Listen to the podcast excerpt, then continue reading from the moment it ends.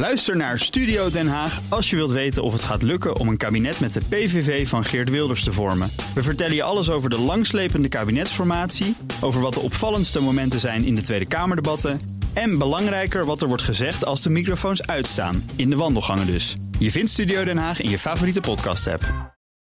Onze Euro. Auto-update. En daarom zijn we bij Nout Broekhoff. Althans, die zit er in de studio ineens. Nout, Ja. goedemorgen. Goedemorgen. Ja, allereerst eventjes eh, beginnen met nieuws van Lightyear. De, de producent van de, de zonneauto's, de Lightyear One in Ja. Helmond. Een studentenproject wat, eh, wat uit de hand gelopen is. Ja, nieuwe stap gaan ze zetten. Ze gaan eh, onderzoeksvoertuigen introduceren. Waaronder een Tesla Model 3, uitgerust met zonneceltechnologie. En dat, dat is toch wel interessant, omdat allereerst voor de ontwikkeling inderdaad van de Lightyear One. Maar ook is dit eigenlijk de start van de verkenning van de markt voor zonnedaken voor auto's. Dus eh, ze hebben een samenwerking met DSM aangekondigd op dat vlak.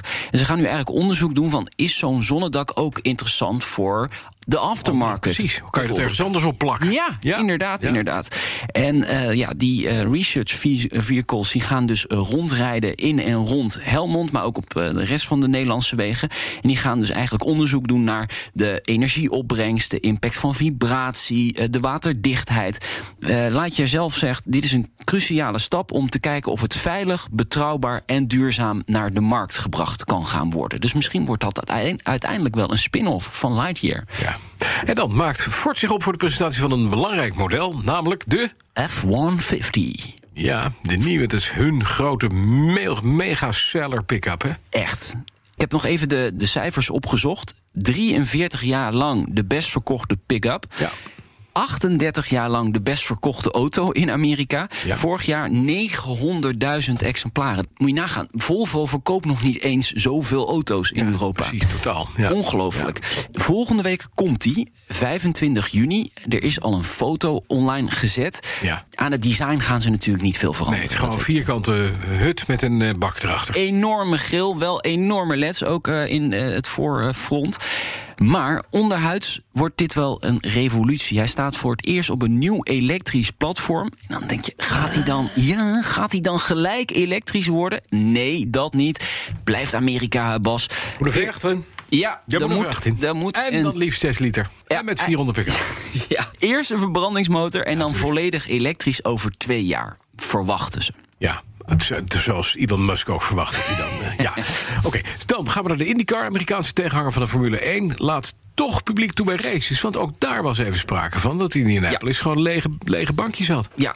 Ja, ik moet het even goed uitleggen. Eh, In principe een beperkt aantal mensen natuurlijk. Maar Mhm. eh, de eerstvolgende race is nog zonder publiek. Dat is inderdaad daar. Ja. Maar de volgende race, 17 en 18 juli... dat is eigenlijk over precies een maand... op de Iowa Speedway. Daar mogen dus toch al eh, toeschouwers naartoe komen. 5000, 6000 fans worden daar verwacht. Ja, daar, kunnen, daar kunnen veel meer mensen Er in. kunnen veel meer mensen in natuurlijk. Maar goed, ook daar geldt gewoon ja, de six afstand feet afstand. Amerikaanse anderhalve meter. Strikte veiligheidsmaatregelen natuurlijk. En ja, dan is eigenlijk de IndyCar, de Formule 1, toch een stap voor. Hè? Ja. De Formule 1 gaat dadelijk acht races eh, zonder publiek organiseren in Europa. Eh, die durven het echt nog niet aan. Maar de IndyCar, ja, Amerikaans, een beetje bluffen, dat moet er toch wel bij kunnen. Dus ze denken dat die 5000 tot 6000 fans daar wel eh, toegelaten kunnen worden. En 4 juli dus de volgende race. Daar kan Rinus van Kanthout eh, zich revancheren hè, van zijn eerste race. Want Ja, dat was waar hij erg geen donder van bakte. Maar we zijn benieuwd wat hij daarvan gaat maken. Vanmiddag om drie uur, Nationale Autoshow. Wat ga je doen? Ja, je moet even luisteren, want eh, we hebben een onderzoek van de SWOF... naar de effecten van de verhoging van de maximumsnelheid in Nederland... naar 130 km per uur. Heeft dat nou wel of niet? Ja, dat ga ik natuurlijk nog niet vertellen. Ik wil een tipje van de sluier, anders kom je de studio niet uit. Nee, nee, kan ik gewoon nee, kan, maar nee, de embargo loopt pas om drie uur af. Sorry, ik kan er niks over zeggen, Bas. Maar luister even. En we hebben Jort Kelder, die komt langs. Eh, eh, gisteren stond voor het eerst de Land Rover Defender, de nieuwe, in de showroom. Hij is echt een adept. Eh, vindt hij de nieuwe mooi of niet? We gaan het vanmiddag horen. Hij is in ieder geval groot. Ja. Groter dan de plint in zijn broek. Ik vind dat jij een keer met de Defender moet gaan rijden, de nieuwe. Ik heb een Land Rover Series 388. Ja, precies, dan kun je goed vergelijken. Ja, maar dat is onvergelijkbaar. Dat denk ik ook. Onvergelijkbaar. Het is een enorme auto. Ja, Het is een bus. Ja, hij is wel mooi.